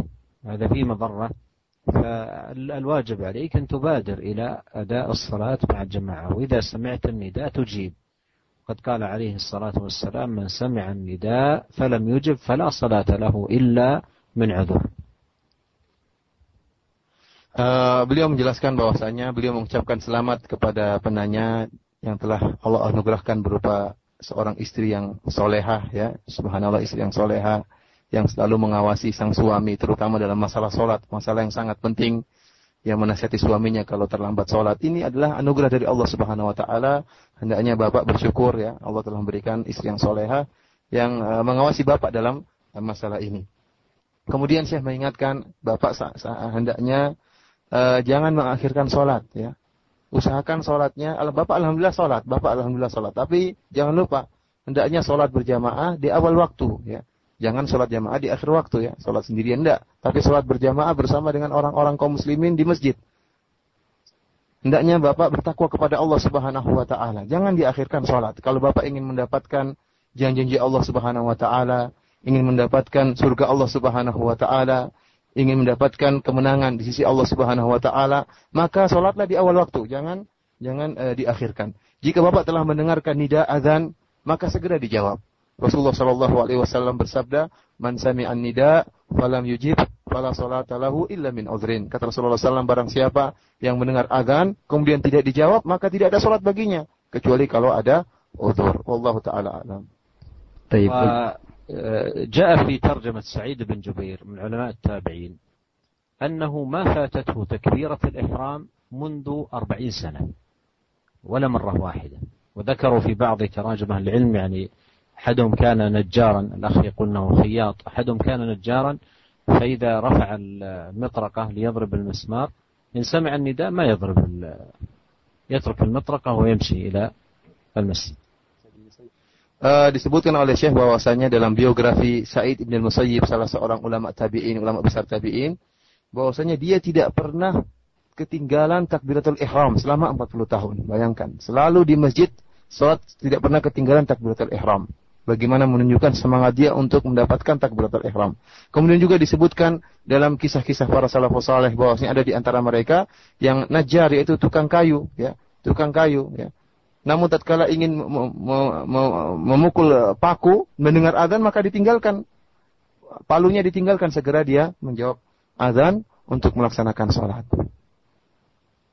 Taib. Untuk selanjutnya kami angkat kembali dari Umu Ismail di Condet, Jakarta Timur. Assalamualaikum. Assalamualaikum warahmatullahi wabarakatuh. Waalaikumsalam warahmatullahi Sebelumnya Ana ucapkan terima kasih atas nasihatnya dan bagi semua pihak sehingga terselenggaranya acara ini. Uh, pertanyaan, uh, ketika hati dilukai karena kemarahan atau dibuat malu oleh seseorang, kita sudah mema memaafkan hal tersebut walaupun orang tersebut tidak minta maaf. Hanya saja memori tersebut terkadang timbul lagi Lalu bagaimana menghilangkan kenangan yang yang membuat hati terluka itu Ustadz uh, jazakallah Assalamualaikum Waalaikumsalam warahmatullahi wabarakatuh Silakan Ustaz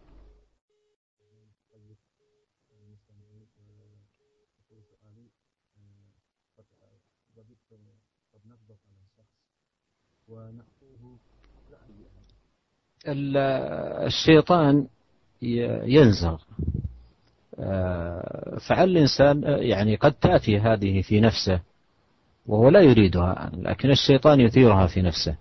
فعلى كل حال إذا وجدت هذه الأمور في نفسه آه، التي نزغ الشيطان ومثل هذه الأمور يتعوذ بالله من الشيطان الرجيم ولا يقول شيء غير جيد مثل ما قال الله قل لعبادي يقول التي أحسن إن الشيطان ينزغ بينهم. فهذه الأشياء نعم قد تأتي في صدر الإنسان بدون أن يطلبها. فإذا وجدت يتعوذ بالله من الsyaitan ولا يتكلم بأي كلام غير مناسب kata beliau bahwasanya syaitan itu sangat bersemangat untuk mengadu domba ya untuk membisikkan permusuhan di antara kaum muslimin dan namanya memori seperti itu akan timbul dan ini kita tidak mau tapi setan menimbulkan setan menimbulkan oleh karena itu jika tatkala timbul memori yang buruk seperti ini, maka hendaknya kita segera bertawuf, berlindung kepada Allah Subhanahu wa taala dari gangguan setan karena itu semua dari setan. Kata Allah Subhanahu wa taala, "Wa kulli ibadi yaqulu billati ahsan."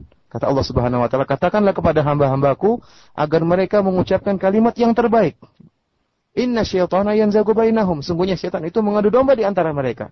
Ya. Setan ingin kita tadinya sudah maafkan saudara kita agar kita murka lagi sama dia, agar kita marah lagi sama sama dia. Jika timbul seperti itu, maka kita tidak mau, maka kita segera berlindung kepada Allah Subhanahu wa taala dan jangan mengucapkan kalimat yang buruk.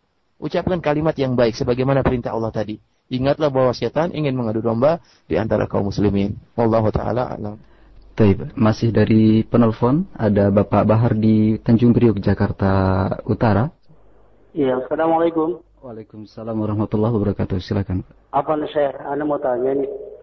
Anda punya sifat ini uh, sering marah, gitu. baik itu sama anak-anak maupun sama orang lain. Tapi bagaimana caranya mengatasi marah itu supaya Anda juga uh, untuk meringankan dosa gitu ya. Karena Anda sering sedikit kadang-kadang suka pemarah gitu. Apa nanti akhir keterangan? Assalamualaikum warahmatullahi wabarakatuh. Assalamualaikum warahmatullahi wabarakatuh. Bisa menyimak Ustaz? أنت ولله الحمد تابعت معنا هذا البرنامج واستفدت من التوجيهات فأنصحك أن تلتزم بالشيء الذي سمعته. وأذكرك مرة ثانية بالحديث الذي قال فيه عليه الصلاة والسلام إنما العلم بالتعلم. أنت الآن تعلمت أشياء ربما جديدة عليك آه، ويقول إنما الحلم بالتحلم. فتحلم وتصبر وتحرى الخير وترفق بأولادك. وأذكرك أنك لو كنت أنت الولد وأنت الذي أخطأت ما تريد من والدك أن يعاملك بهذه القسوة بهذه الشدة. فأحب لأولادك ما تحب لنفسك. ثم ماذا ترجو عندما تعامل أولادك بالعنف أو بالشدة أو ماذا ترجو؟ هل ترجو أن يصلحوا بذلك؟ هل ترجو أن يبروك بذلك؟ هذه هذه أمور لا يعني مثل ما قال عليه الصلاة والسلام ما دخل الرفق في شيء إلا زانه وما نزع من شيء إلا شانه.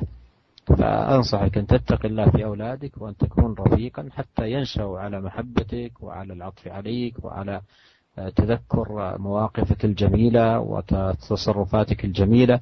وأيضا ينشأ أولادك من بالهدوء وبالأخلاق الفاضلة لأن الابن ينشأ على ما يعوده عليه والده من الأخلاق والخصال. Uh, kemudian Syekh mengatakan uh, bahwasanya Alhamdulillah Bapak telah mendengarkan pengajian kita hari ini dan Bapak mendapatkan uh, faedah dari apa yang telah disampaikan. Kemudian beliau mengingatkan Bapak agar melaksanakan apa yang telah Bapak ilmui dari pengajian ini. Apa tadi yang telah dijelaskan oleh beliau tentang cara-cara menghilangkan rasa marah, maka hendaknya dilaksanakan dan benar-benar di, diiltizamkan, benar-benar dikerjakan terus-menerus. Kemudian uh, Syekh mengingatkan bahwasanya tadi kita telah menyebutkan sebuah hadis kata Rasulullah SAW, innamal ilmu bita'allum wa innamal hilmu bitahallum. Sungguhnya ilmu itu diperoleh dengan menuntut ilmu, berusaha untuk ilmu baru Allah kasih ilmu. Wa innamal hilmu bitahallum wa innamal sabru bitasabbur. Barang siapa yang ingin sabar supaya tidak marah maka dia harus berusaha. Harus berusaha. Kesabaran tidak datang dengan sendirinya, tapi dia berusaha untuk menjadi orang yang sabar, maka Allah akan menjadikan dia sebagai orang yang sabar. Kemudian uh, beliau ingatkan, Seandainya bapak menjadi anak bapak, apakah bapak senang kalau bapak dipukul? Seandainya bapak menjadi seorang anak, apakah ada seorang anak yang senang dipukul oleh bapaknya? Tentunya tidak ada anak yang suka. Anak siapa pun dia tidak akan senang dipukul oleh bapaknya.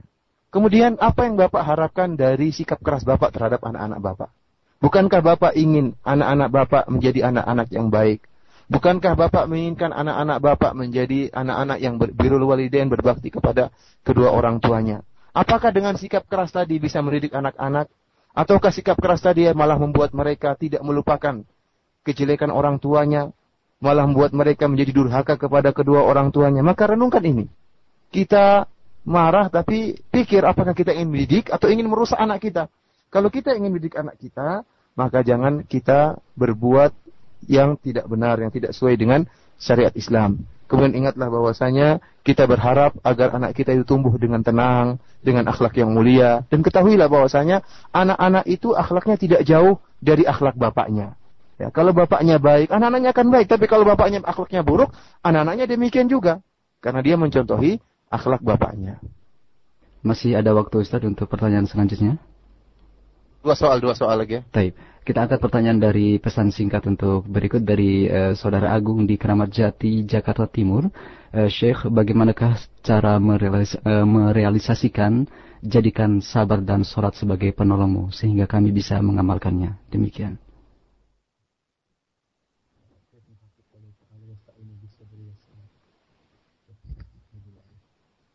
هذا هذا السؤال جميل جدا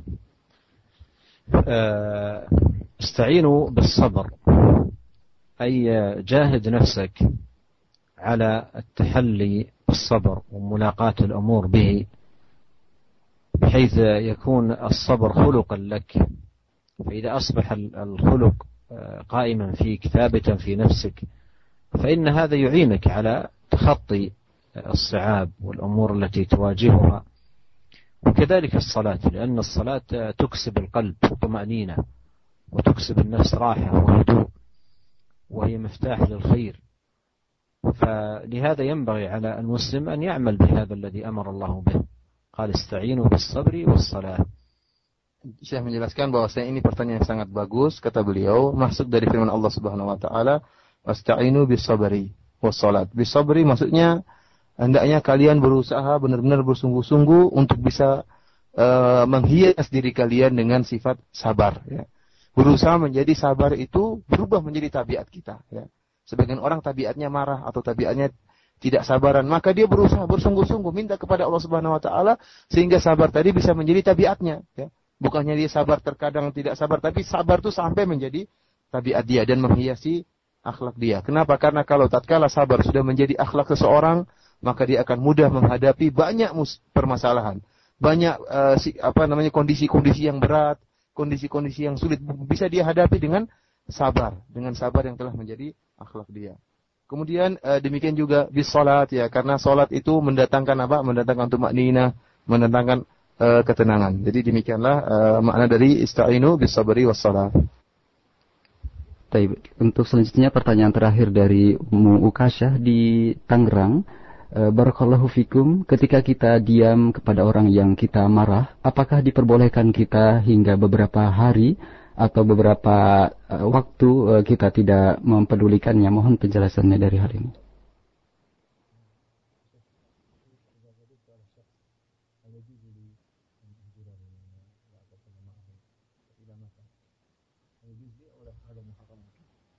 الهجر الذي يكون بسبب الخلاف في امور دنيوية وعلى أموال وعلى شغلات من هذا القبيل.